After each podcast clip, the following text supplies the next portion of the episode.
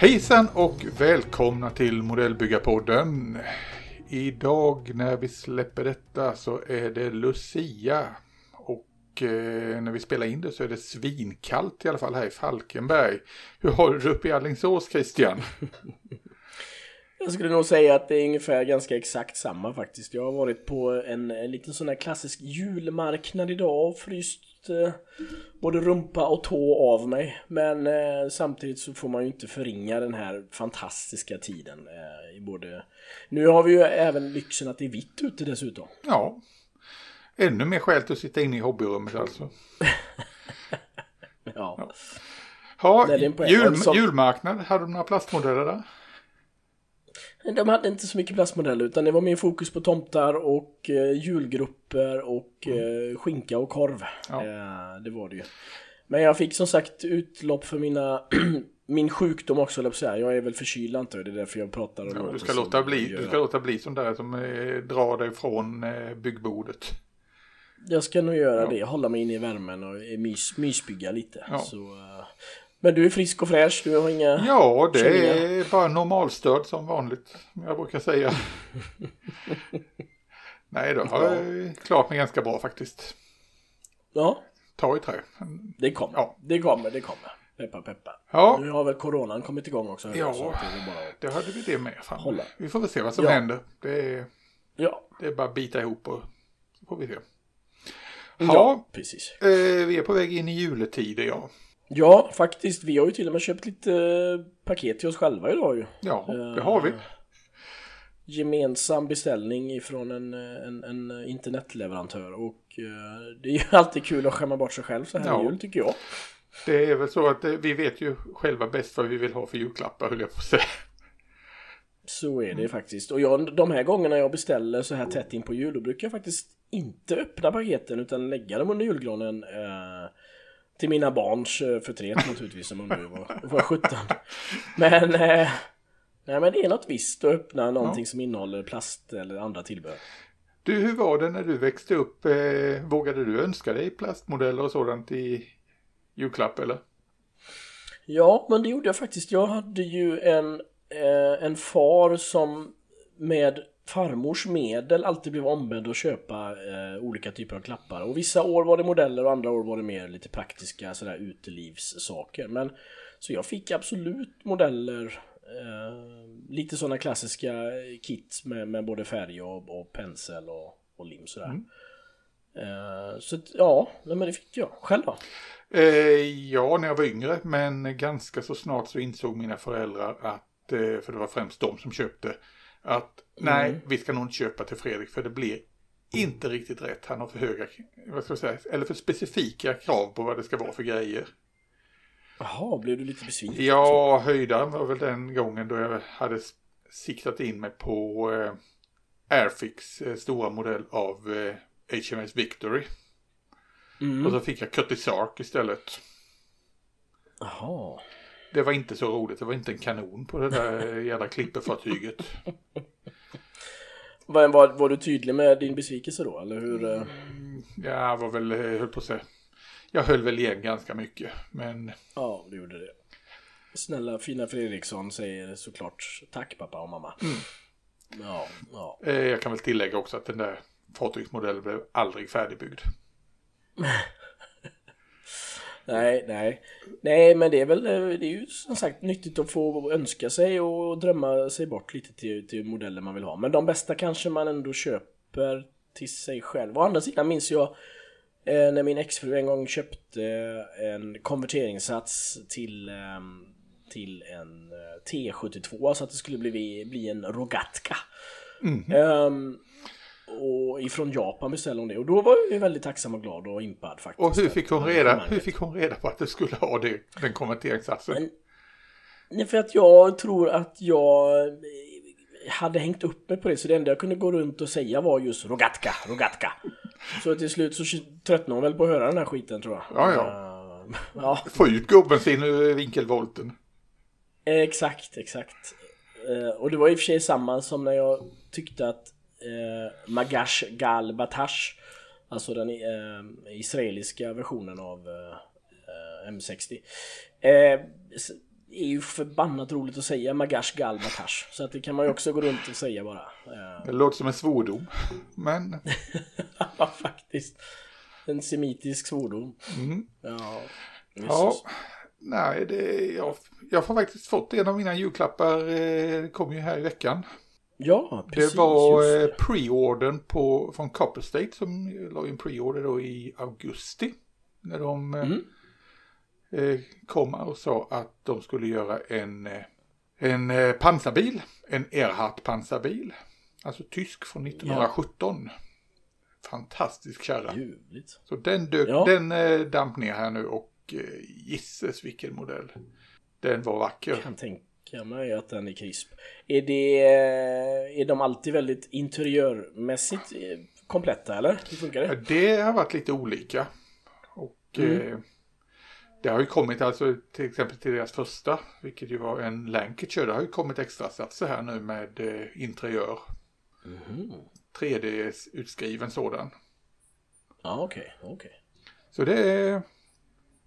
Nej, men det... och så hade du ju köpt innan. Ja, men det var men inte det, det var inte till Erharten, utan det var till bland annat Lancashire och eh, vad var det till den lilla, eh, vad heter den nu, den här lilla belgiska. Mm -hmm. Ja, mhm. kommer jag inte ihåg vad den hette. Nej. Det kommer så småningom. Minnet är bra men yes. kort. På, på den här gubben. Nej men det är ju mm. som sagt Copper State, de, eh, de levererar alltid. Är, man, blir inte, ja. man blir inte besviken. Och sen är det ju extra roligt då när man lägger en pre-order för då får man alltid lite extra godis. I det här fallet så var det en stor fin mm. bok som följde med som berättar ja. hela historien kring eh, Erhardt pansarbilen. Jösses. Ja. ja, för det blir lite nästan att de första som beställer får nästan en sån här liten limited edition variant. Det blir en limited edition av det ja. Mm. Så, eh, nej, det, den blev en fin liten modell. Spännande, men den har du redan öppnat då så den kan du inte slå in och lägga under granen tänker jag. Nej, det är nog ingen idé att lägga saker under granen. Nej, det är faktiskt sant. Det är faktiskt sant. Jag har ju också beställt lite andra saker i och med att jag är ju inne egentligen i två dioramasvängar nu. Jag har ju mitt egna eh, projekt kring eh, Pacific, eller Stilla havsteatern. Ja. Och, och så är det ju även då eh, aktiviteter i, i Nordafrika som är i form av uh, brittiska specialtrupper som, som smyger omkring eller kör omkring i sina bilar. Så det, det är ju det jag lägger mycket fokus och tid på nu. Ja, du har trillat in på uh, Long Range Desert Group och SAS va? Var det, det var det HBO har... tv-serie som uh, triggade hela Rogue Heroes? Det var absolut så. Det var det, Rogue Heroes som triggade igång mig och uh, Eh, Tamiya är, har ju faktiskt väldigt mycket gott och smaskens till eh, just den här Chevrolet eh, lastbilen som de kör mm. och eh, naturligtvis eh, Willys jeepen också. Ja, eh, du, du skaffade bägge två eller? Jag har skaffat bägge två har jag gjort och så skulle jag vilja inkorporera då eh, Det här har jag tänkt lite grann på. Jag vet inte hur man Jag skulle vilja scratchbygga någon form av tysk flygplansdel i 135. Mm. Och samtidigt så finns det ju mycket, jag vet inte om man kan småfuska med att göra någon 1-32 Men du, historia. Eh, det finns ju, jag vet, eh, eh, Firestone Stark finns ju i eh, 1-35. Det har du helt rätt i, det har du helt rätt i. Um, så eh, får du tag på den modellen kanske... så kan du ju slakta den. Ja, men precis. Det är ju faktiskt ett alternativ. Frågan är hur man ska... Hur illa derannen ska vara liksom. Men... Uh... Nej du. Du får eh, googla, kolla referensbilder. Jag får googla. Jag såg att i serien Rogue Heroes så kändes det som att det var ett antal Cessnor de hade målat om också. Ja, jag vet inte men... vad de hade gjort men det var ju inte BF109. Nej, nej. Men även om det skulle se ut som det. Nej, precis, precis. Det... Och sen också, inte för att spoila men på slutet kommer det ju en M60 stridsvagn också. eh, nåväl, nåväl. Ja, men du, det, det hade de ju redan i, eh, vad heter det, Patton pansargeneralen. Patton, eh, I den gamla absolut, filmen. Absolut. Så det, det, det, de ja, det, är ingen, det är ingen nyhet. Nej, nej, det är det inte, det är det inte. Och även, eh, vad heter den med uh, Anthony Hopkins, uh, när de, det, vad heter det? Nej. Uh, Oj. Den här bron, eh, alltså, vet du, inte Pegasusbron men... eh, Ja, en bro för mycket menar du? Arnhem? Just det, just det, just det. Ja, Arnhem. Då kommer det ju en Leo 1 där bland annat som de har. På över bron där. Så ja, nej. Nej, alltså, det har väl varit så i många fall och eh, hur var det i den här eh, eh, den som Sven Hassel-filmen där lö, eh, löste de väl det med Döden. Döden på Larvfötter ja. Där löste de väl också Just det, det med lite ryskt material. Alltså, Det gjorde de skarvade absolut. skarvade lite. Den, ja, och så låtsas uh, tysken i, uh, i uh, Dodd, uh, vad heter det, Oddball-filmen med, uh, vad heter det gänget? Ja, ja, du, men, du menar eh, Kellys hjältar? Kellys hjältar, precis, precis, Ja. precis. Ja, det är ju en T34 den är byggd på. Det ser man ju på Det är hjulupphängningen. T34. Och det är det Precis. väl... Vad är det de har? Ryan också. Ja, är det en, T- Det är är det en T34 T34 eller är det en senare? En, en Nej, det är inte T34 är det som på. T34? Ja. Ja, ja. Ja, nej, nej, ja, nej, nej, det är ju som det är. När det bara finns en rullande tigerrätta Mm. i hela världen så. Ja, det var ett rejält sidospår. Ja, det var det. eh, Men du, vi, dagens ämne, det mm, var du inne och tassade på redan väldigt tidigt här nu. mm, För idag tänkte jag att, eh, eller jag, jo det är väl jag som har tänkt ut det. Jag tänkte vi skulle ta och snacka lite om eftermarknad. mm. Alla dessa tillbehör som man eh, kan köpa till. Just det. Och ja, Och det- varför är, vad är eftermarknad egentligen? Och varför ska vi ha det? Om vi börjar i den änden. Ja, vad är din definition på eftermarknad? Ja men det är ju alltså tillbehör till för att förbättra en modell. Som Mm. eh, oftast då inte är tillverkad av samma firma som har gjort modellen. Och ska vi se tillbaka på det hela så var det ofta små källarfirmor, Mm, eh, små garagefirmor som gjorde det. just det, som jobbade Och det var, i silikonmolds och Ja. resin. och, eh, det var ju ofta entusiaster. Jag kan tänka mig att det var en del nitpickers, alltså niträknare där som gick igång. Mm. Men varför behöver vi överhuvudtaget ha eftermarknadsgrejer? Varför behövde man ha det? Ja. Nej, och, var, och, och till vilken grad behöver man ha det Mm. idag med tanke på hur mycket fint man får med som du Ja. säger Copper State där exempelvis. Så, så det är ju ja, det är ju ett väldigt brett ämne, det är Mm. helt klart. Nej men det är ju, alltså ett skäl till eftermarknadsgrejer det är ju de begränsningar som injektionsgjutningen har. Mm. Det går inte att göra saker lika krispa som de skulle vara i verkligheten. Om du har till exempel en eh, stänkskärm. Den går inte att göra lika tunn som i verkligheten. När du ska gjuta den i plast. Utan den blir tjockare. Mm. antenner blir tjockare. De ska ju vara jättetunna. Och ja, vad ska vi ta med som exempel som blev väldigt, ja, det är mycket gamla grejer som blir, vad ska jag säga, inte riktigt skalenligt. Utan då får man, Nej, eh, då kom det här med eftermarknad. Mm. Och också som du säger att rätta till eventuella fel. För det är ju alltid så i alla... Nej, jag tänker framförallt mycket flyg. När det kommer flyg och så tycker man inte att det stämmer helt och hållet med det utblåset eller pitotröret eller och så vidare. Så, vidare. Men, så eh, Det kan ju vara till exempel att det kommer ut en variant och så vill man bygga en annan variant på den. Ja, exakt, exakt. Man vill göra en konvertering till någon Mm. senare eller tidigare. Och eh, det är ju ofta så att när ett, en, eh, en, eh, ett fordon, ofta då ja, flygplan men även stridsvagnar, tar exporteras från ett land till ett annat så blir det liksom olika konverteringar i verkligheten. Det blir förändringar. Mm. Mm. Eh, Det är ju sant, det är ju som du säger, bara titta på 100, eller 122an och jämföra den med Leo 2 A5 eller 2 A6 eh, från alla andra länder så är det ju Ja. många svenska visst, skillnader på den. väldigt få grejer som är bara rakt av. Eh, jag vet, vi har väl en sån här klassiker jag försökte bygga en gång i tiden var det ju Caproni 311. Den, eh, Det här nödköpet, bombflygplan, bombflygplanet eller spanare gjorde vi om det till. Här i. Sverige under brinnande krig. Den, eh, ja, den tänkte jag att ja, men det är väl bara att bygga rakt ur lådan. Det finns ju med svenska dekaler men det gick inte så. För det var väl alldeles för mycket Nej, som nej. eh, skilde där åt. Det var så mycket på motorerna som skulle se annorlunda ut och avgasutblåsen och liknande grejer. Ja, okej.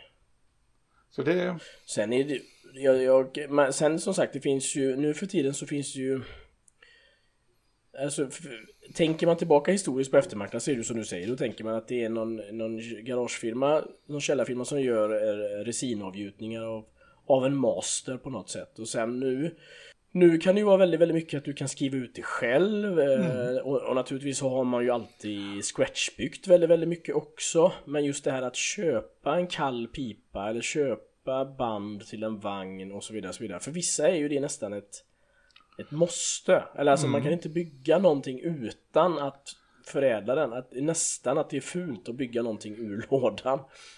Ja, det är, det är ganska intressant det du säger det här med att eh, man känner ett behov av att ja, jag måste som sagt förbättra det på något sätt. Mm. Och då är ju frågan liksom med, med, med kvaliteten på dagens modeller. Liksom, varför ska man alltid göra det här? Är det att, är att vi verkligen ha det eh, som i verkligheten? Eller mm. vad är det? Är det krispigheten eller vad är det vi, vad är det vi tittar efter? Ja, vi ska ta och analysera det lite grann. Ja, absolut, absolut. För det är nog väldigt många av de som lyssnar här som inte är inne på det med eftermarknad utan eh, man hör talas om det, man ser grejerna och eh, ja, det känns som mm. Eh, lite hokus pokus och lite långt bort. Alltså, så var det för mig under många år. Jag liksom tänkte att oj, det där är bara för proffsen. Mm. Bara det faktum att man då helt plötsligt inte kunde använda det vanliga eh, vanliga tetselimmet längre. Utan att jaha, här måste jag sitta med helt andra limtyper och annat sånt där. Mm. Nej men det är absolut en poäng och det blir ju snabbt Eh, ur en ekonomisk synpunkt också, om man har det som en hobby och ganska ny så, så snabbt hamnar man i en situation där all eftermarknad tillsammans kostar mer än själva maskinen själv liksom. Mm. Eh, och det kanske, och man är ju lite så rädd för att förstöra sin modell då om man Tänker jag. Om initialt så var jag i alla fall det. Ska jag köpa massa grejer till den här nu och så blir det ändå skit? Eller liksom den känslan då.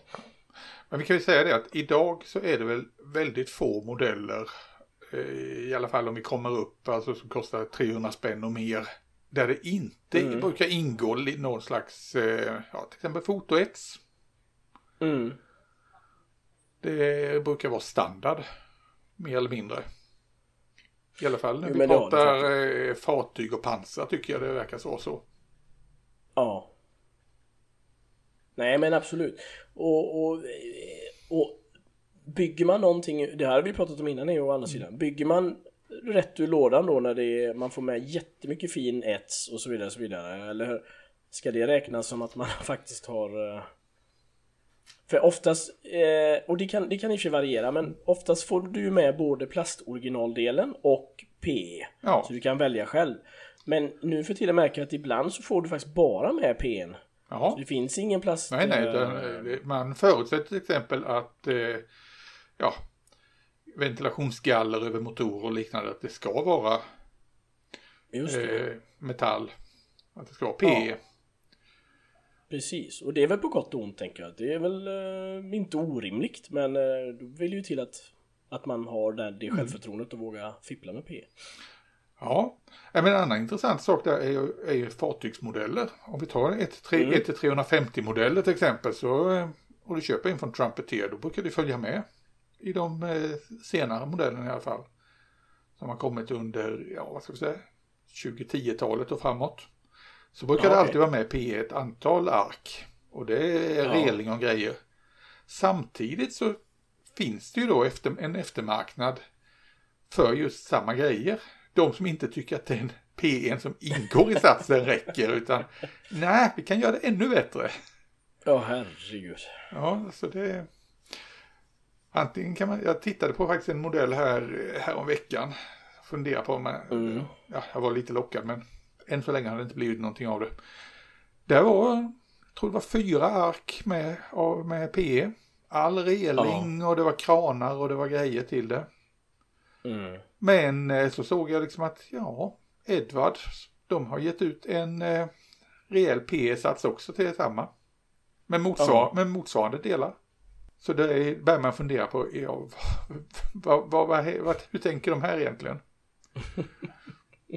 Nej men det har verkligen, det har mm. verkligen förändrats har det gjort. Och, det är, och det, tittar man på pansarbiten så är det klart att att inte köpa kallpipa och inte köpa band eh, Det är ju svårt för mig att bygga vagnar utan att göra de extra insatserna och Även om man tänker att här ska jag bara bygga rätt ur lådan så blir det ju ändå någon form av mm. Alltså någon form av eftermarknadssats på något sätt blir det ju oavsett och jag vet inte om det är för att man Är det drygt att hålla på med eftermarknadssätt eller? Nej, jag vet inte. Eh, det där med metallpiper. Eh, det var, mm. Där blev jag faktiskt förvånad. Det var en AFV-klubbmodell som jag kom över vid tillfälle. Där följde det ju med faktiskt. Från mm. början. Mm. Ja. ja, AFV kan vara väldigt duktiga på det och väldigt givmilda med det. Så det är liksom, okej, okay, då kan vi glömma det. Det, det är fixat, fixat och klart, check på den. Ja, ja, exakt. Ja. Nej, men alltså vi behöver ja. egentligen inte lika mycket eftermarknad idag, tror jag inte det är min känsla. För, eh, ja, det beror ju helt på vad man bygger för grejer. Men i många fall ja. så är ju det, alltså, tekniken för att göra, formtekniken är så mycket bättre idag. Mm. Och det följer med så otroligt mycket grejer. I alla fall, ja, i, alla fall i de, eh, vad ska jag säga, bättre märkena. Sen ja. eh, kan man ju alltid stöta på riktiga bottennapp emellanåt. De som har inte resurserna till sådana prylar till exempel. Nej, nej men det är sant. Och nu pratade vi ju förut om min eh, eh lokala vän här som, som gick från en 104 Amusing Hobby för att han tröttnade på den. Mm. Och det är ju en förhållandevis, eh, det är ju en helt ny byggsats eh, med mycket bra grejer med. Men så bytte han för att han ville ta en paus till en Tamiyas Shiha från 1971 då. Oh. Um, och, och och han tycker att det är jättekul och är jättenöjd med den Chiha-upplevelsen ändå även om man inte, det är som vi pratade om också där, det kommer ju vara hål underifrån och så vidare mm. och så mm. vidare. Man kommer ju Den har ju så många fel men för han så är ju byggglädjen roligare att den går att sätta ihop då. Mm. Um. Nej för det kan bli för mycket helt enkelt ju. Mm. Det var ja, väl som, eh, som ni pratade om förra gången det här med att en en mini-artmodell och så vidare. Det, det, det, är för mycket delar helt enkelt. Ja, verkligen. När de gör det bara för sakens skull nästan. Ja. Så att det blir... Men för ibland, ibland kan, det, kan det vara den där grejen med för mycket detaljer, för mycket att, ja, att tillverkaren av modellen försöker gå hela vägen. Det blir mm. helt enkelt för mycket för, för den stackars byggaren. Det sabbar byggupplevelsen. Och jag, ja, alltså tänk dig att du är 14 år, är med med föräldrarna får köpa en modell av någonting och så fastnar du för mm. någonting som ser jättehäftigt ut på boxarten. Och så öppnar du den ja. och det är en multimedia-kit utan like. Du har mm. massor med mm. smådelar, du har metall, det är ja, några resindelar och så vidare. Alltså, jag vet inte, det, det kan väl knäcka den, den bästa i det läget och frågan är, kommer den grabben att fortsätta med modellbygge? Nej precis, eller den återvändande eh, vuxna människan som mm. har byggt när hen var ung och så som du säger då kommer tillbaka till och gått då från Airfix och Tamiya saker på mm. 70-talet till att, eh, att, att hitta en vagn för, med 13-1400 delar i liksom. Ja, med, hitta en Ryfield-modell där som med allt. Med full interior, ja, ja, exakt.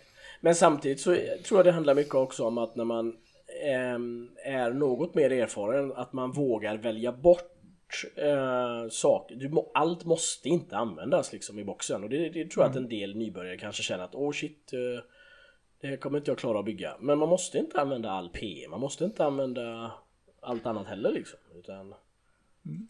var selektiv då liksom. Ja. Men för rent praktiskt, alltså okej, okay, här har vi ett antal byggare som eh, går och funderar på, ska jag våga ge mig på det här med eftermarknadsgrejer? Är det någonting man måste ha? Och så vidare. Nej, det måste vi inte ha för det första. Eh, man vinner inte tävling per automatik för att man har eftermarknadsprylar på saker och ting. Man kan bygga rakt ur boxen och eh, vinna en tävling. Inga problem. Eftermarknaden gör inte per automatik att man vinner.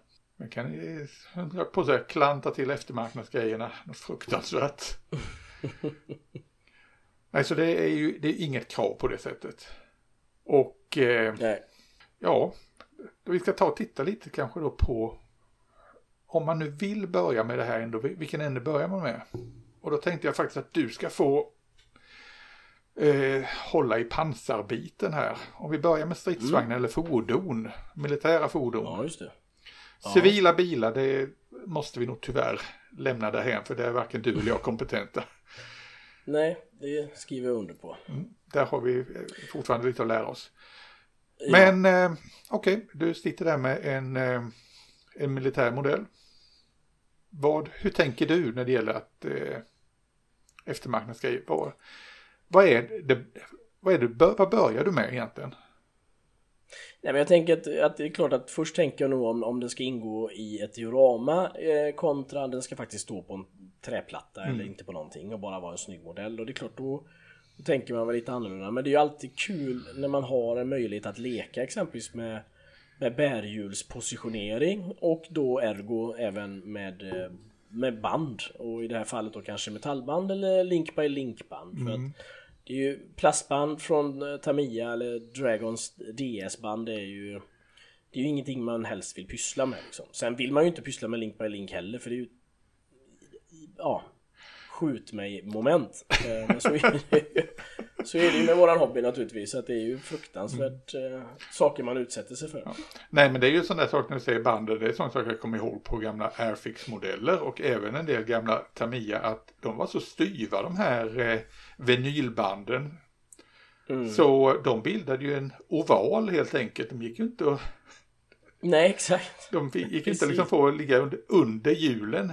Vagnen vägde ju inte tillräckligt mycket för att hålla ner bärhjulen Nej. mot banden utan ja, de svävade. Hela vagnen svävade där och banden låg i backen.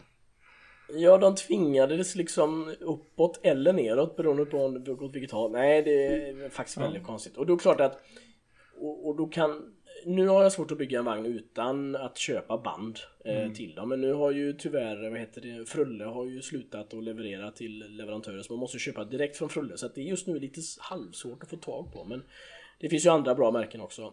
Ja men det är, jag, jag, det är inte så svårt att beställa direkt ifrån dem Det gäller bara nej, samla, nej, samla ihop en liten order där. Ja, nej men helt rätt, helt rätt. Och just nu har jag ärarna, eller äran, jag har i stashen så har jag köpt på mig under åren jättemycket så jag har så än så länge så jag klarar mig mm. till mina projekt. Men ehm, Nej men och då är det ju som sagt att kunna leka lite med möjligheten det ger. Det är ju inte mm. att man bara ska byta ut banden för bytandets skull på något sätt. Utan Nej. då kan man faktiskt göra eh, att den ser ut som att den klättrar över en sten eller ett, mm. berg eller ja, och så vidare, så vidare. Men förutom det alltså om vi tänker liksom vinylbanden, varför ska jag inte ha dem? Även om jag kan få dem att ligga platt. Vad är det till exempel fördelen med Link by Link? Eller, för det går ju att köpa sådana också. Bronco har ju bland annat en hel serie med olika band. Mm, det finns mm. andra med för den delen. Eller eh, eh, frulleband som, som, vi säger, som vi brukar kalla dem. Det är ju alltså mm. metallband gjutna i vitmetall. Där man sitter och pillar ihop allting så de verkligen funkar ju de banden. Men vad, mm. vad, är fördelen med dem, alltså utseendemässigt och så vidare, vad gör det? Vad tycker du att det Nej, gör? Jag, ty jag, tycker att man ser det väldigt tydligt när folk, eller folk, när man, när man går på, på tävling och du ser, eller någon annan som har byggt, då ser du oftast en böjning i själva länken. Alltså att själva länken är böjd. Mm. Uh, I exempelvis runt uh, drivhjul eller spännhjul. Mm. Och det får du, den effekten får du ju aldrig naturligtvis på ett metallband. Och sen är det ju naturligtvis också den här vikten, den här inbyggda vikten i blybanden. Eh, eller vitmetallbanden. Som gör att du får ett naturligt häng då över eventuella... Eh, ja, den, li den ligger mot eh, de övre hjulen. Precis, precis. Så då kan man ju då om man vill överdriva det också då och lägga till ett extra, en extra länk extra band, så bandplatta så får du ytterligare. Mm. Så det, men som sagt, på vissa vagnar så syns ju inte det ändå. Så att jag skulle, ju all, jag skulle nog inte använda det på kanske en... en ehm, ja, vi har Matilda, en, ja men en Matilda 2 är en gammal klassiker också där. Där har du ja, ju, exakt. det är väldigt inklätt allting. Det är väldigt inklätt och även på modern Abrams exempelvis så är det ja. också väldigt inklätt. Så att det, ser, det är liksom så svårt att få de fördelarna med den typen av av band. Så att, sen kan det vara det här att man vill kunna ta isär banden för att man ska måla på ett bättre sätt både bärhjul och mm. band. Och då är, vinner ju den typen av band före vinyl också. Mm. Men, men, men det är nog en jag tänker att det är en sån här sak man har, nu har jag kommit hit i, min, i mitt bygge, då föredrar jag att, att använda Mm. metall. Det är det lite jag tänker ibland, om det är någon sån, om det känns elitistiskt liksom. och inte bara kunna nöja sig och bygga ur rätt ur lådan. Nej. Eh, Ja, men det finns ju en fördel som jag ser där, alltså, även mot Link by Link i plast. Och det finns ju två Mm. typer egentligen av, eh, av Link by Link, eller det är ju egentligen tre typer. Vi har ju Link by Link and Length också, där man har längre Mm. bitar och vad ska jag säga, kortare grejer som man lägger runt, till exempel eh, drivhjul och liknande. Men de här Link by Link, det finns ju dels de som man snäpper ihop som blir rörliga efter att du har monterat ihop Mm. dem. Och precis. sen har du de som du måste limma ihop. Och de du måste limma ihop, de är ju ganska vanliga nu för tiden i modeller. Mm. Men där har du ju nackdelen att där måste du ju bygga dem på rätt sätt, alltså från början. Och eh, jag vet inte, jag är ju sån i alla fall att jag vill ju måla banden separat innan jag sätter dem på plats. Mm. Mm. Och då är det ett eh, jäkla pillande för att få rätt häng och så vidare. Eller jag vet Ja, inte hur du, hur du uppfattar det. Jo men jag håller med och jag, jag vill ju jättegärna också måla bärhjulen innan de hamnar Mm. på plats. Jag har, nog inte kompetens att måla dem på plats utan de måste vara på en tandpetare tänker jag utanför. Mm. Plus att då kan man ge dem lite extra vädringsmys liksom sådär. Men när det Lite, gäller lite banden extra så- kärlek där. Ja, det behövs verkligen. Men Mm. när det gäller banden som du säger så är det ju en fantastisk känsla att kunna limma ihop. Nu medför det ju jiggar på vissa av de här vagnarna också man får med nu för tiden. Så då kan man ju bygga runt den här jiggen och så får den ju den formen den ska Mm. ha. Och så går det att ta bort det. Men de blir det blir väldigt bräckligt. Man får vara försiktig och, och man kan ju inte jobba hur hårt med dem som helst. Nej, och sen måste igen. du hitta den där punkten till exempel runt, eh, runt drivhjulet. Var bryter du det hela? För du kan inte dra det i många fall runt alltihopa. För du, du måste kunna plocka Precis. bort det Just som det, just det. Så Utan man får göra det i alla fall minst två delar. Ja. Och att få då den sista länken sen när allting är målat och klart och sitta perfekt är alltid en utmaning. eh, Mm. Den felande länken där, det kan vara eh, helt klart svårt. Men, det, är då man nej. vill, det är då man som sagt vill bygga en Matilda 2, en Abrams eller en Churchill-vagn. Där man kan ju bara stoppa upp och gömma det där bandet bakom. Ja men då, då finns det ju också de i den skolan som bara bygger det man ser. Och det Mm. kan jag ha lite svårt för. Eh, där är jag nog inte att jag bara skulle använda, säg 40 av 80 bandlänkar för att det syns inte mer. Ja, Det du kan ju, då, har- då, har du ju, då har du ju band egentligen eh, till två vagnar. jo, det är en poäng, det är en poäng. Jag kan lägga dem på, på pansaret istället så ser det ut som Ja. att den har skydds... Nej, det är en poäng. Nej, men alltså det, du, du börjar, det, det är en av, av dina grundgrejer som du rekommenderar att man tittar hur, hur denna band är helt enkelt. För det kan göra väldigt Ja. mycket. Yes, yes. Och sen är det ju då kall pipa och det får man ju oftast... eh, Det får Och med kall med pipa nu för de som inte har lyssnat innan och förstår eh, Christians slang här. Det är alltså en svarvad metallpipa. Just så. Oftast Och, i aluminium eller mässing. Precis. Och anledningen att jag just säger kall är ju för att om man är osäker om den är målad så kan man lägga eh, ovanfingret på så känner man om den är kall eller varm där. Men det, för, det förstår man kanske. Eh, men, men det är klart att det är ju helt avgörande för att få slippa hålla på med den här skarven som blir på tvådelade. Och det är ju inte alltid att det är tvådelat nu heller med tanke på att slide mode funktionen har dykt upp på flera fler kits. Att man att det kommer ett stycke eh, med själva, själva pipan då, och, eller röret. Men eh, när det gäller slide mold, alltså det är svårt att göra en, och gjuta en helt rund grej som är så pass lång till exempel som eh, pipan till en tiger eller liknande. Helt rätt, den blir oftast lite, lite, lite oval faktiskt. Eh, när, man, när den ligger i gjut eh, på det sättet. Och en svarvad pipa är ju aldrig oval, utan den är ju svarvad som sagt. Om vi fortsätter på det här med pipor när det gäller mindre kaliber på grejerna då. Eh, kulsprutor och liknande. Ja, det bästa som finns. Åh vad gott det är. Eh, när man har eh, T34 just i pansar exempelvis och så stoppar in där istället till eh, eller en 1919 med, med en eh, mässings eh, pipskydd liksom med massa hål i och Nej men det är ju så sexigt. Ja, för det brukar ju vara så att är det gjutet så är det, det, det blir lite grovt. Man kan ju inte göra den här, vad ska jag säga, kyl, eh, eller ja, skyddet runt om. Nej men precis. Det går, Nej. inte, det går inte gjuta på det sättet utan då antingen får man göra det i flera delar och det ska vara de här små lufthålen där. Mm. Och Men det kan jag verkligen rekommendera. Alltså att om har man, har man en vagn där man har möjlighet att ha exempelvis en, en 12-7 på och, och en M2 och upp, kitta den liksom och spacea upp den med, med, med mässing och footedge. Det, det kan ju poppa, det kan ju göra hela vagnen liksom. Det är Mm. verkligen, och det kostar ju så lite. Det är, det är några tior oftast för, för grejer i kulsprutevarianterna liksom. Så att det är ju inte alls dyrt. Så... Nej. Nej, det, där sa du just det hela, för det handlar väl om att det ska poppa, som vi brukar säga. Mm. Att det ska få Mm. den krispa känslan över modellen. Just det. Och du, har ju, du är ju mästare på att få, få dina båtar att poppa. Mm. Eh, helt klart. Vi ska komma till det om en stund, men eh, det är väl fortfarande, ännu har du, har vi inte kommit in på det här med fotoetsen. Nej, Med, precis. med PM. Eh, Eh, Vad är det som du ser som prioriterat där? eh, jag har ju... Jag ser ju för och nackdelar med detta för att eh, inför ett bokprojekt här eh, kommande så har jag ju jobbat med en panter och har, den har jag ju då hel.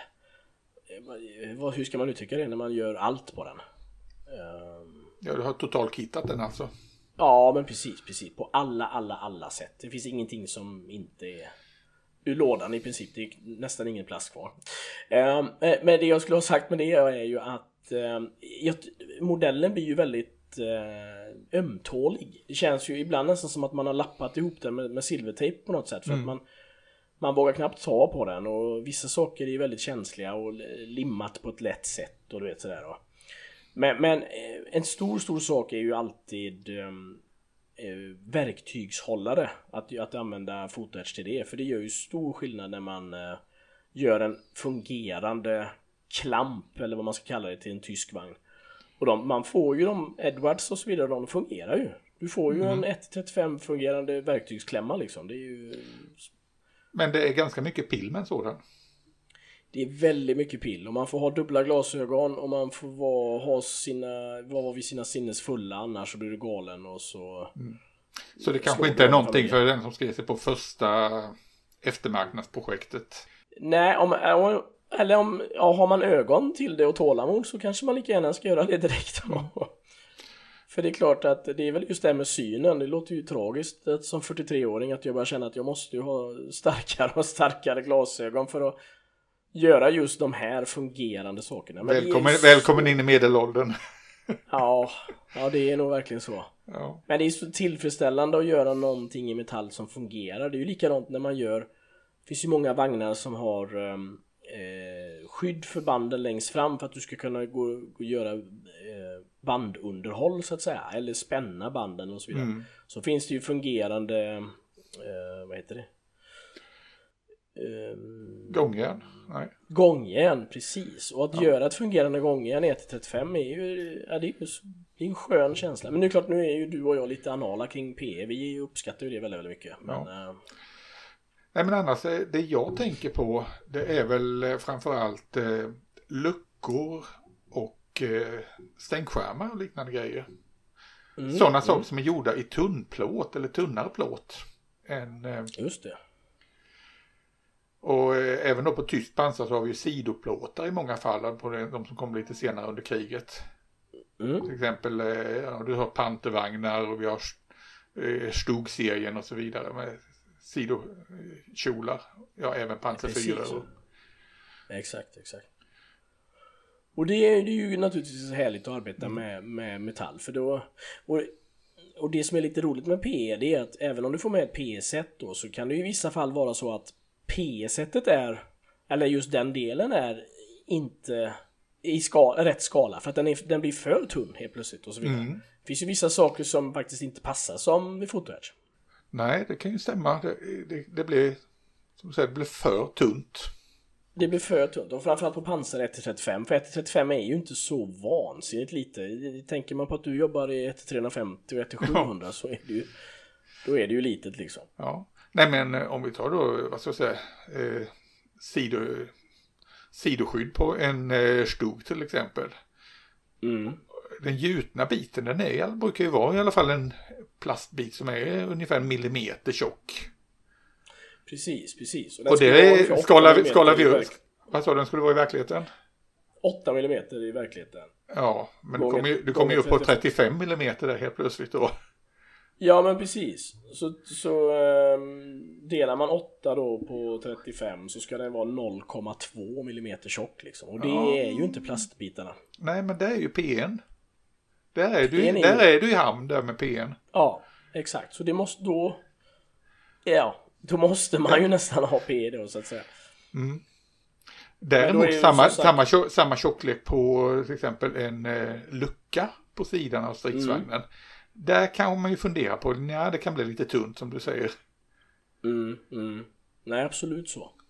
Och sen är ju naturligtvis, som du nämnde förut, luftintag är ju naturligtvis, men det, det får man ju oftast med nu för tiden. Men det, det gör ju en stor skillnad naturligtvis. Mm. Och, uh, och tyska vagnar har ju oftast väldigt mycket luftintag. Uh, mm. Upp mot sex stycken liksom på bakpansaret. Och, så det gör ju stor skillnad.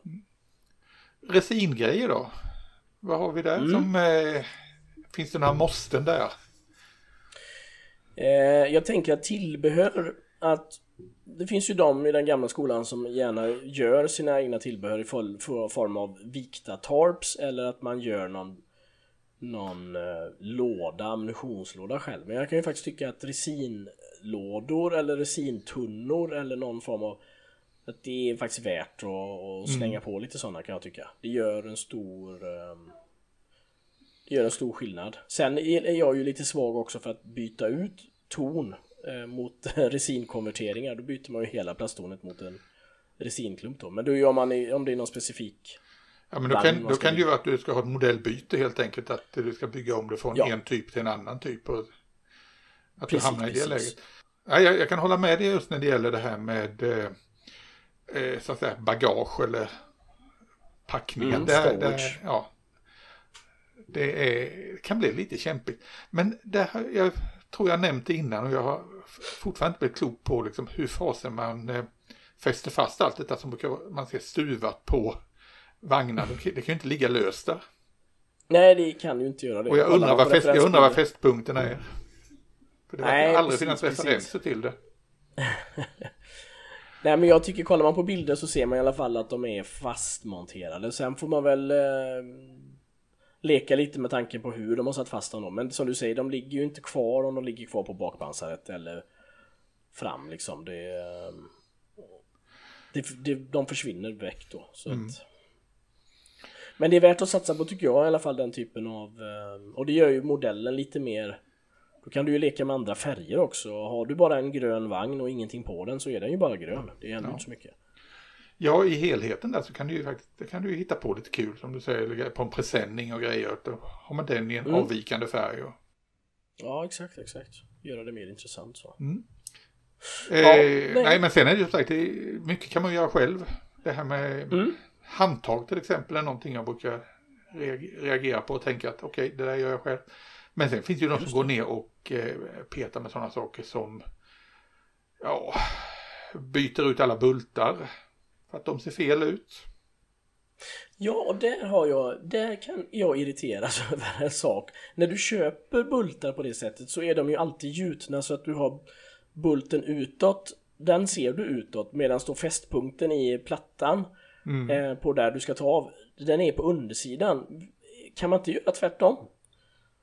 Om du då har en pigg som sticker upp och så är bulten på ett fel håll så att säga. Bulten är då ja, ja. utåt med piggen, mm. förstår du vad jag menar? Ja, jag då, kan du slip, då kan du använda själva pinnen för att hålla fast den när du ska limma den sen så kan du klippa av och slipa just det. Mm. det är, ja, jag ska uppfinna ett sånt uh, koncept. Jag är, usch, till, tips till tillverkarna. Reta, ja, inte upp, reta inte upp Christian mer här nu. Nej, det är helt fel håll. Ja. Nej men alltså det är ju mycket gamla, gamla vagnar som var skruv, ihopskruvade helt enkelt. Där, mm. där finns det då många som tycker att då ska man byta ut bultarna. Just det. Och jag tänker har... på det, nu kommer jag göra många flygmänniskor sura här, men när man använder en sån här riveter, mm. en sån här eh, ett hjul med massa taggar på, eh, då skapar man ju egentligen bara själva nedsänkningarna, men det är ju inga Det är ju inga nitar man får till. Nej, men alltså är du nere på 1 på 72 då, då ser du inte nitarna ut. De är de ju försänkta på ett flygplan. Mm, mm. Ja. Nej, det, ja, förlåt det- alla flygbyggare. ja. Vi kommer till flygplan sen. Trots att vi... Ja, ska vi eh, fortsätta framåt i vagnen här, höll jag på att säga. Eller lämna vagnen och... Eh, Ja, vi kanske kan lämna vagnen därhän. Nu är den ju färdigbyggd. ja. Fartygsmodeller. Mm, Det är som sagt mitt lilla område. Just så. Där kan man ju gå all in när det gäller eftermarknad. Men Det kan man och där kan du ju till och med blanda in ytterligare ett eh, material också. mm, Trä. trädäck, ja. Ja, Men om vi börjar liksom för att få en fartygsmodell att poppa. Eh, Mm. Vi sa ju innan att i ett 350 där brukar det följa med sådana saker nu som en del mässing, reling och sådana Mm. saker kan följa med. Lite modernare modeller. Yes. Och sen finns det ju då de som ger ut hela set med hur mycket mässing som helst. Där man byter ut kranar, du byter ut eh, ja, delar av byggnader och massor med prylar. Det finns Nästan hur mycket som helst. kilo helt plötsligt. Ja, alla dävetar som håller livbåtar brukar bytas ut. Eh, Även inredningar till livbåtar är ju standard att byta. Jaha. Eh, lavetter till eh, luftvärn och sånt brukar bytas ut. Det var ju chocken för mig när jag gav mig på min första ordentliga 1350-modell när jag byggde Prince of Wales. Att helt Ja. plötsligt skulle jag bygga de där eh, åttapipiga pompom-kanonerna. Just det. Och det var ju helt i eh, fotoets. Och det Mm. var ju verkligen en byggsats i sig. Så det fick ju de här små eh, luftvärnspjäserna som jag hade nu här senast. Att eh, likna en liksom walk in the park.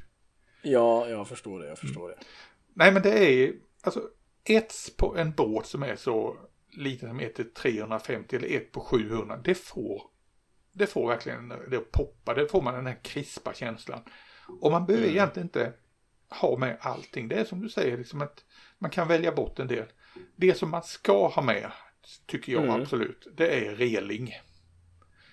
Ja, och ja, reling, ja. om man inte köper ett helt set då till en båt med liksom alla kranar, alla ja, detaljer in absurdum, så kan man köpa reling på, höll på att säga, metervara, men hela set då med reling. Och det finns ju olika typer, det finns med, med eh, två stag och tre stag. eh, Ja, olika okej. sorter. För, de olika eh, flottorna hade ju lite olika standard på hur en reling skulle se ut.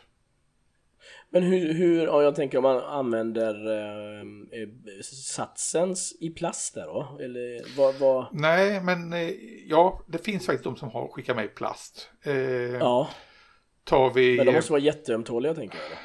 Nej, det ser lite klumpigt ut. Revel gav ju ut en jättefin modell av eh, Bismarck och Tir, ja, Tirpitz också för den, men en Bismarck-modell i 1-350. Mm. Och eh, där följde det faktiskt med reling, ljud, injektionsgjuten reling som man skulle montera för sig. Det Ja, okej. blev, nej, det såg inte bra ut. Därför då blir det nästan en helt annan skala tänker jag i tjocklek liksom. Det blir, Ja, eh, men det är ju ungefär som den här, eh, vi pratade om de här sidoplåtarna. mm, För då mm, ligger vi precis. kanske nere på 0,5. Och ja, det är ju ändå att du har ligger på en ganska tjock, jag tror inte det är 0,5, det är nästan uppåt millimetern på en del prylar där. Mm. Det blir jättetjocka relingar Ja det blir faktiskt när det. vi kommer ner i ibland... den, i den skalan. Även om du ligger Ja, ner på ibland 0,5 för- millimeter så ja. Nej men exakt. Ibland för att förstå skalan så brukar jag faktiskt använda en figur i den skalan jag bygger. Då, Mm. 1-35 oftast. Och så tittar jag på den skalans händer. Eh, och så ser man ett, fing ett finger är ungefär så här stort eller brett. Mm. En hand är så här stor. Så kan man få en liten uppfattning hur det borde vara på något sätt. Liksom så här. eh. Nej men du har ju, vi har ju alla åkt båt på något, sätt- på något sätt, på, om inte annat eh, färja. Och där ser vi ju relingen, de är ju alltså, det är ju bara 20-25 mm rör. Mm. Och det är ju inga stora grejer. Och varför skulle man Nej. då göra gigantiska prylar på krigsfartyg? Nej men precis, att de blir 40 cm i diameter helt plötsligt. Det blir ju lite... Nej. Så relingen, ja. det är ju det första. Och som sagt, mm. vill man inte ha andra grejer så sätt åtminstone dit reling. Ja. Och det gäller ju särskilt då i 1 på 700. 1 på 700 är en sån här skala. Där kan, där, ja. Foto 1 i den skalan, det, det kan göra en eh, gråtfärdig, galen, eh, ja, färdig för hispan. Ja. Men relingen är hanterbar. Ja, okay. Och dessutom brukar det aldrig följa med i 1 på 700. Det verkar vara en tradition att det följer inte med så mycket grejer där. Nej, nej, nej. Nu när jag byggt lite ubåtar och så, så äh, finns det ju med pyttelite ets emellanåt och ibland är det ju reling då för de andra världskrigsbåtarna. Mm. Men min uppfattning är att det är man får nästan förböja dem innan, men om man ska ha en reling till en, mm. en sån här utsiktspost då. Men det är svårt att förböja dem när det inte finns någon jig till det och det är svårt att böja dem när man håller på att limma dem. För att då, jag får det inte riktigt att fastna på ett bra sätt med lim. Jag vet inte, jag är väl inte... Nej, det stämmer det du säger. Det är mycket pillande med det och eh, man får hålla på och testa och böja och testa och böja och räkna och mäta mm. och hålla på. Så man har det i princip färdigt och bara kunna limma dit det när det väl gäller. Sen ja. har vi nästa grej också. Nu är vi helt inne på ett annat avsnitt här när vi pratar om att eh, använda fotot. Det är ju när, när i bygget monterar man relingen. Mm. Just det. Så det, det kan ju också ställa till det. Nej, men reling det är den första grejen. En annan sak som jag gärna vill byta ut och mm. eh, det vet jag det finns fin eftermarknad också i vissa fall. Det är ju eh, master. Ja, ja, ja. Av den det menas lite grövre ja. saker eller? Nej, men det handlar om hållfasthet ganska mycket faktiskt. Mm. För riggar du alltihopa sen, och det kan vi mm. säga, det är ju, riggtråd är också en sån här eftermarknadsgrej. Du kan ju använda plast, eh, ja, varmdragen plasttråd och mm. liknande saker. Men jag föredrar ju sån här elastisk eh, tråd, gummiband alltså, Just det. Som bland annat Ammo har och Uschi van der Rosten och liknande firmor. Mm. Den är ju väldigt eh, smidig och fin att jobba med. Men då blir det ju lite spänningar också på masterna. Ja. Så förutom att man kan få det tunnare så eh, blir det bättre hållfasthet. Mm. Ja men det är ju rimligt. Och då kan man ju köpa de som är, har du ett lite äldre fartyg där du har har rån eller ja, ska säga, tvärgående grejer och även master. Master är ju inte helt raka utan de är ofta koniska. Ja, ja, och då är ju då är det svarvad mässing. Mm. Till de här bitarna och det blir ju väldigt, väldigt fint. Häftigt. Det är nog inte så mycket jag har sett faktiskt som eftermarknad. Jag har nog bara inte tänkt på det för jag har inte varit i Nej. den svängen. Nej, så jag vet till exempel till sådana grejer som eh, Bismarck och Tepis och andra stora saker. Där kan du köpa hela mastarrangemanget för sig. Som extra ah. tillbehör. All right. Men, eh, då var vi ändå inne på det här med svarvad mässing. Mm. Och precis som du pratar på eh, när det gäller pansar med eh, att byta ut eldrör. Ja, byta ut eldrören om man kan. För de är, eh, det, det är ett problem helt enkelt.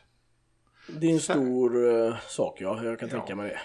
Och särskilt på en modell i liten skala. För där kommer man se gjutskarven. Ja, så ja, fort du kommer ner på, eh, ja, vad ska vi säga, om vi jobbar ett på 300. Alla eldrör som är under, eh, ja, blir det 10 centimeter. Mm. I kaliber så då ser du skarvarna. Väldigt ja, tydligt och det, det är väldigt, ja, det är väldigt svårt att få bort de skarvarna. Mm. För ofta är också alltihopa ihopgjutet så att du kanske har, i och med att du har dubbla eldrör i luftvärn och liknande så är det gjutet som en bit. Ja, precis. Men är det svårt då, för men ibland som du säger så sitter de monterade redan, då får man ju liksom vara en liten kirurg nästan då. Ja, och där finns ju också otroliga varianter. Alltså, ibland kan du ta och byta ut hela lavetten. Och där mm. finns ju att köpa lavetter och, och eldrör och alltihopa som är resingjutet eller 3D-printat.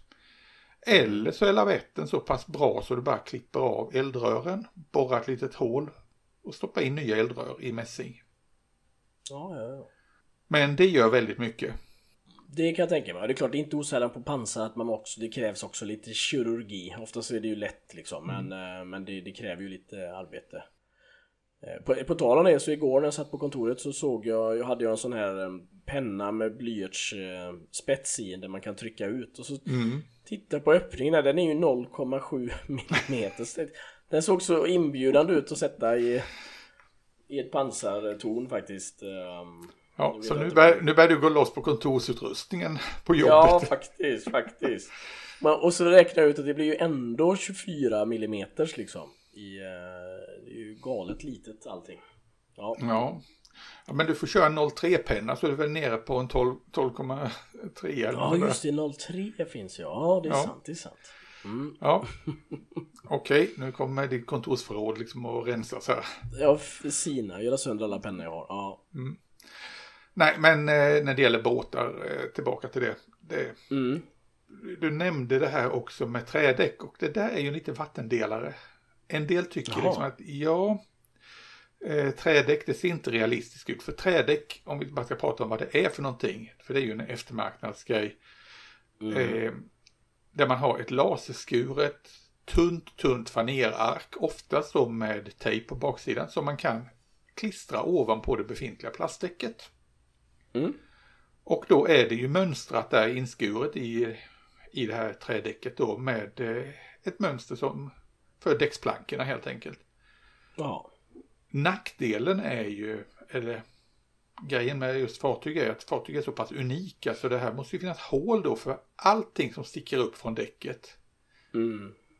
Det måste vara hål för liksom alla ventiler som sticker upp, alla lådor, däcksbyggnader, allting och det måste liksom sitta väldigt, väldigt tight. Att göra det här från scratch, för det går att köpa lösa sådana här ark där man kan skära till själv. Det, jag, skulle inte, jag kan inte tänka mig vem som ger sig på en sån grej. För det Nej, vore, van, det vore vansinnespryl. Måste... Ja, för jag tänker att oavsett så måste man väl ändå skära bort en del saker på eh, där, där, där man ska lägga på det, eller? Och ja. vissa saker är ju redan hål för, tänker jag. Ja, och ska du då eh, Oftast är de gjorda för att det ska passa själva plastbyggsatsen men ska du då byta ut en del av eh, grejerna som sticker upp mot ets också. Mm. Då eh, blir det ju ett glapp där mot trädäcket. Och sen är det de som tycker att ja, det ser inte realistiskt ut, det blir en annan färg, det kommer in ett annat mm. material, det är snyggare att måla. Och det där med att måla däcket, ja det beror ju helt på när modellen är gjord. För har vi en gammal modell Mm. Då har du inte fördjupningar mellan däcksplankorna. Utan då är, sticker de oftast upp istället en skarv där. Du vet precis som gamla panelskarvar på modeller. Ja, ja, ja. De blir positiva istället för negativa. Jaha, ja, ja. Och eh, riktigt så ser inte ett fartygsdäck ut. Men var, var fartygsdäcken trärena eller var de oftast någon färg på dem? Eller behandlade på något sätt? Eh, I de flesta fall, alltså om vi går fram till i alla fall andra världskriget och eh, ja, vad ska vi säga, första halvan av andra världskriget så var de mm. trärena. Det var en gammal tradition att det ah, skulle okay. vara trärena.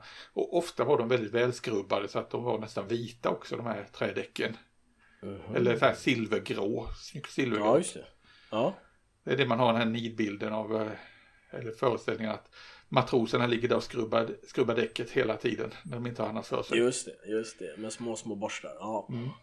Men eh, sen under kriget så började man ju måla däcken helt enkelt för att eh, det var ju kamouflage. Mm.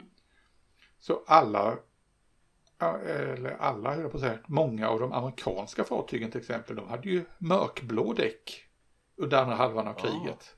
I alla fall de ja, i Stilla havskriget. Och det gällde ju hangarfartygen också. Ja. Men det måste ju kännas lite tråkigt att, att köpa då ett trädäck eh, i som du säger tunn träfaner och så måla det i mörkblått sen efteråt. Du, det finns redan färg, infärgat i mörkblått Jaha, till och med att köpa okay. om det så.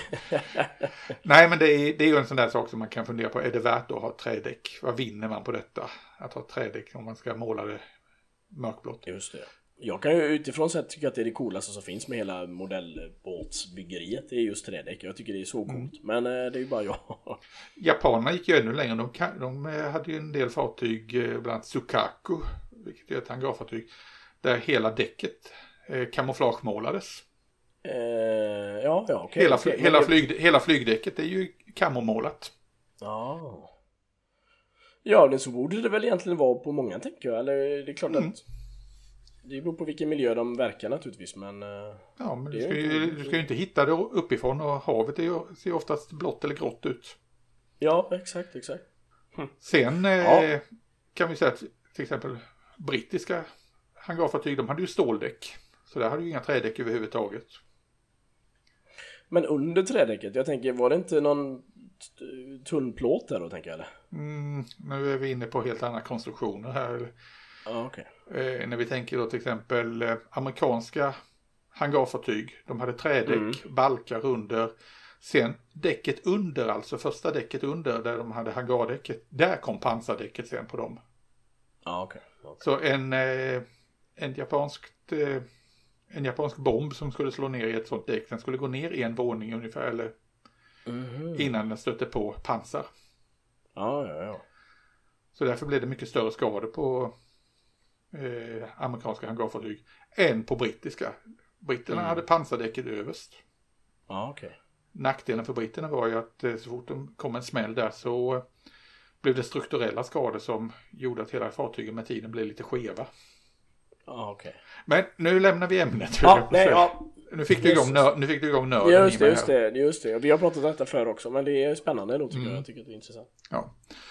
Nej, men det är som sagt eh, eh, reling. Reling gör Mm. väldigt mycket på fartygsmodellen. Ja, Sätter man dit reling på en modell så har man fixat det. Det räcker ofta med det. Och byta ut pipa i vissa fall också. Eh, sen har vi det där med flyg. ja ser. Då är du och jag ute på lite tunn is, men jag har ju lärt mig att det är... Absolut jag. Men du Ja. kan ju det. Ja, men det är väl ett par, tre grejer. För det första är just det här med skalenligheten. Så, sådana saker som pitotrör, kulsprutor, liknande saker. Sånt kan ju bli för grovt i plast, alltså injektionsgjuta. Så Mm. det vet jag att det byter man ofta ut. Ja, okej.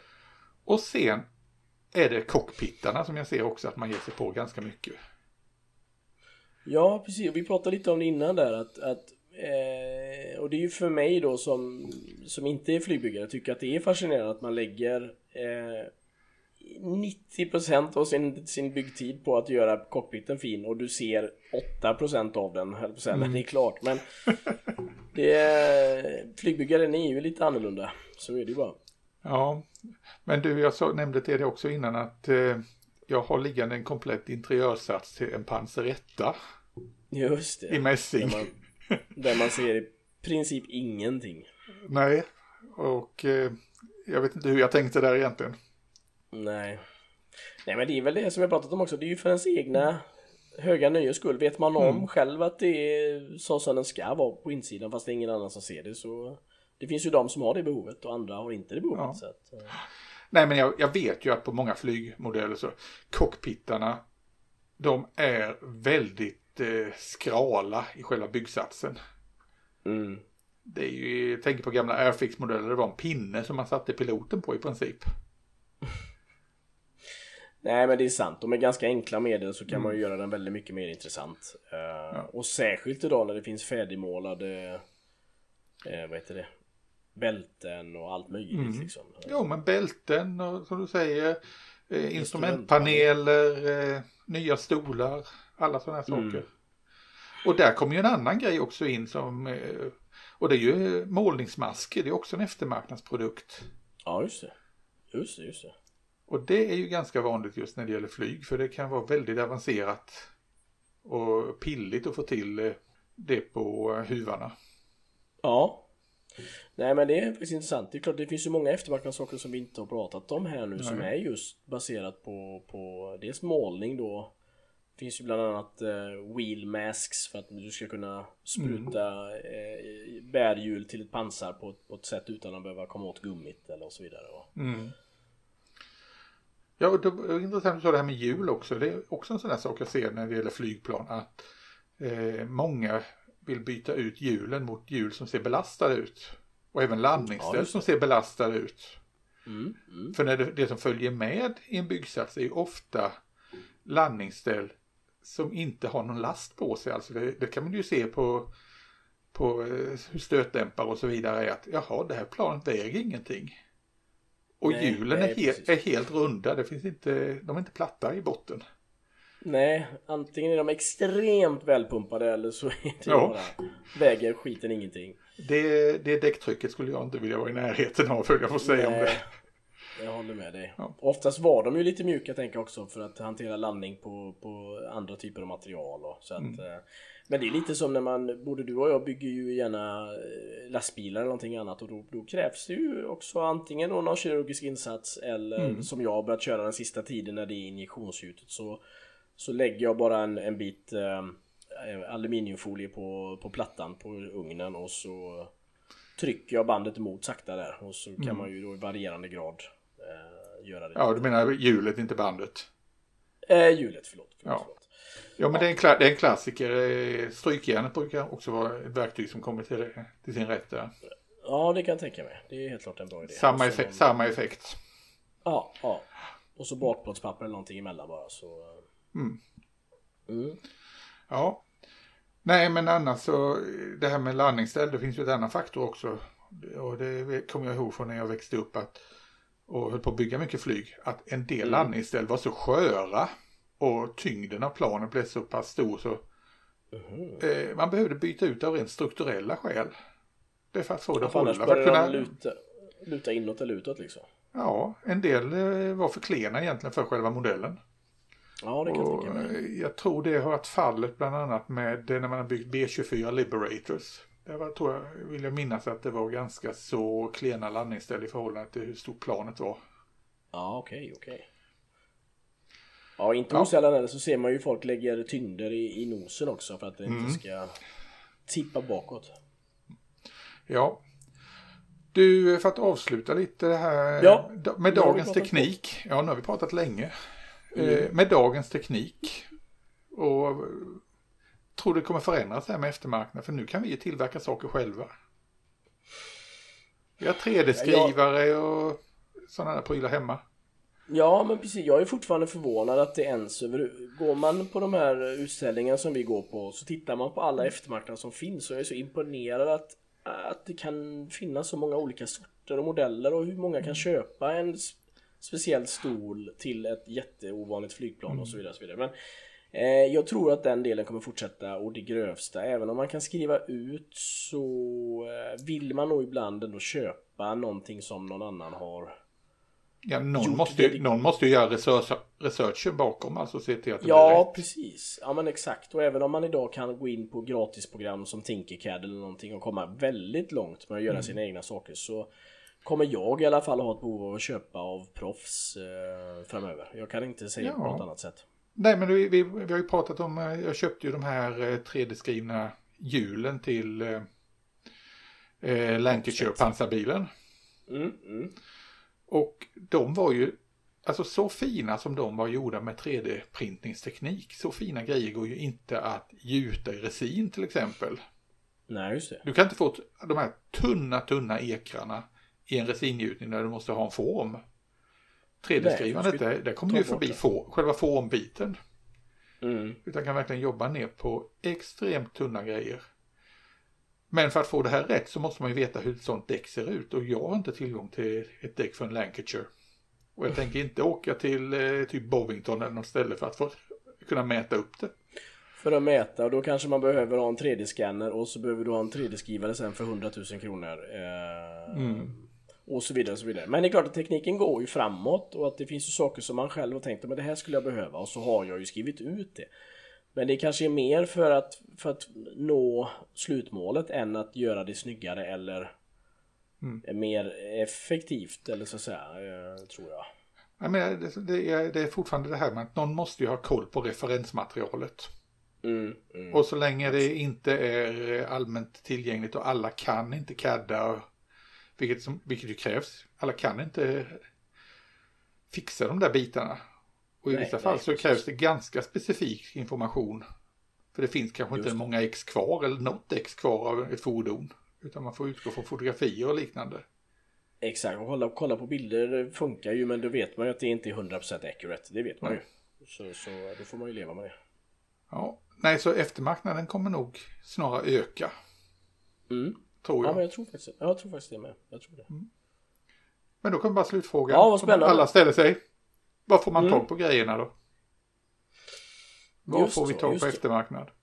Ja, och det finns ju ändå på alla välsorterade onlinebutiker idag. Det gör det ju. Mm. Eh, Det, det som är nackdelen är att ibland vill man ju köpa allting på samma gång och då kanske man ibland får använda sig av olika e-handlare. Eh, Det är väl med det som är den tråkiga utmaningen tycker jag.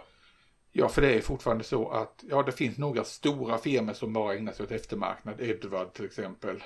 Som Mm. har, de är jättestora inom fotoets. Men sen är det ofta små firmor. Men tack Mm. vare e-handeln, tack vare nätet så är det mycket lätt att komma i kontakt med dem.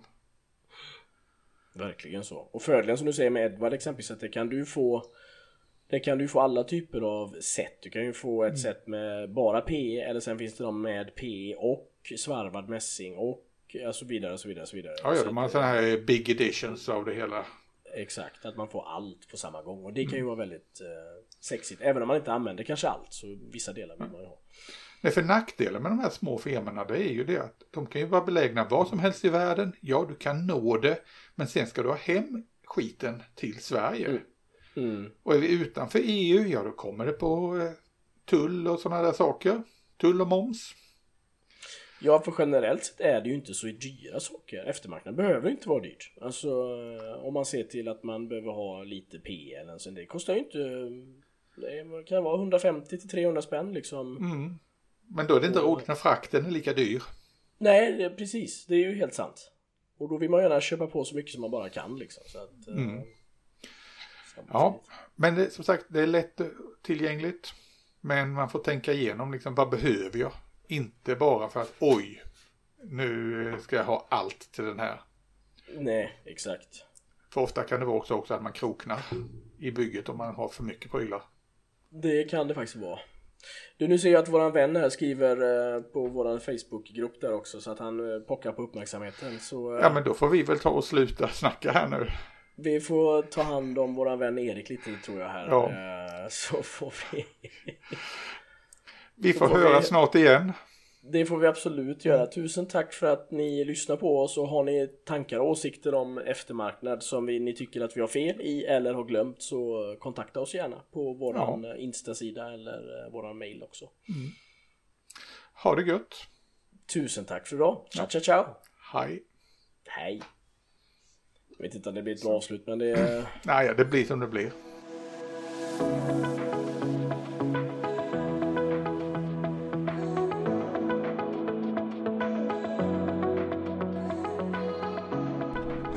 Hörde du att jag tog med våra förra gången? Hörde du, du kanske inte har hunnit lyssna på Nej. förra avsnittet? Vad var du tog med då? Jag tog med vårt eh, ba ba ba bi bo bo bo ba.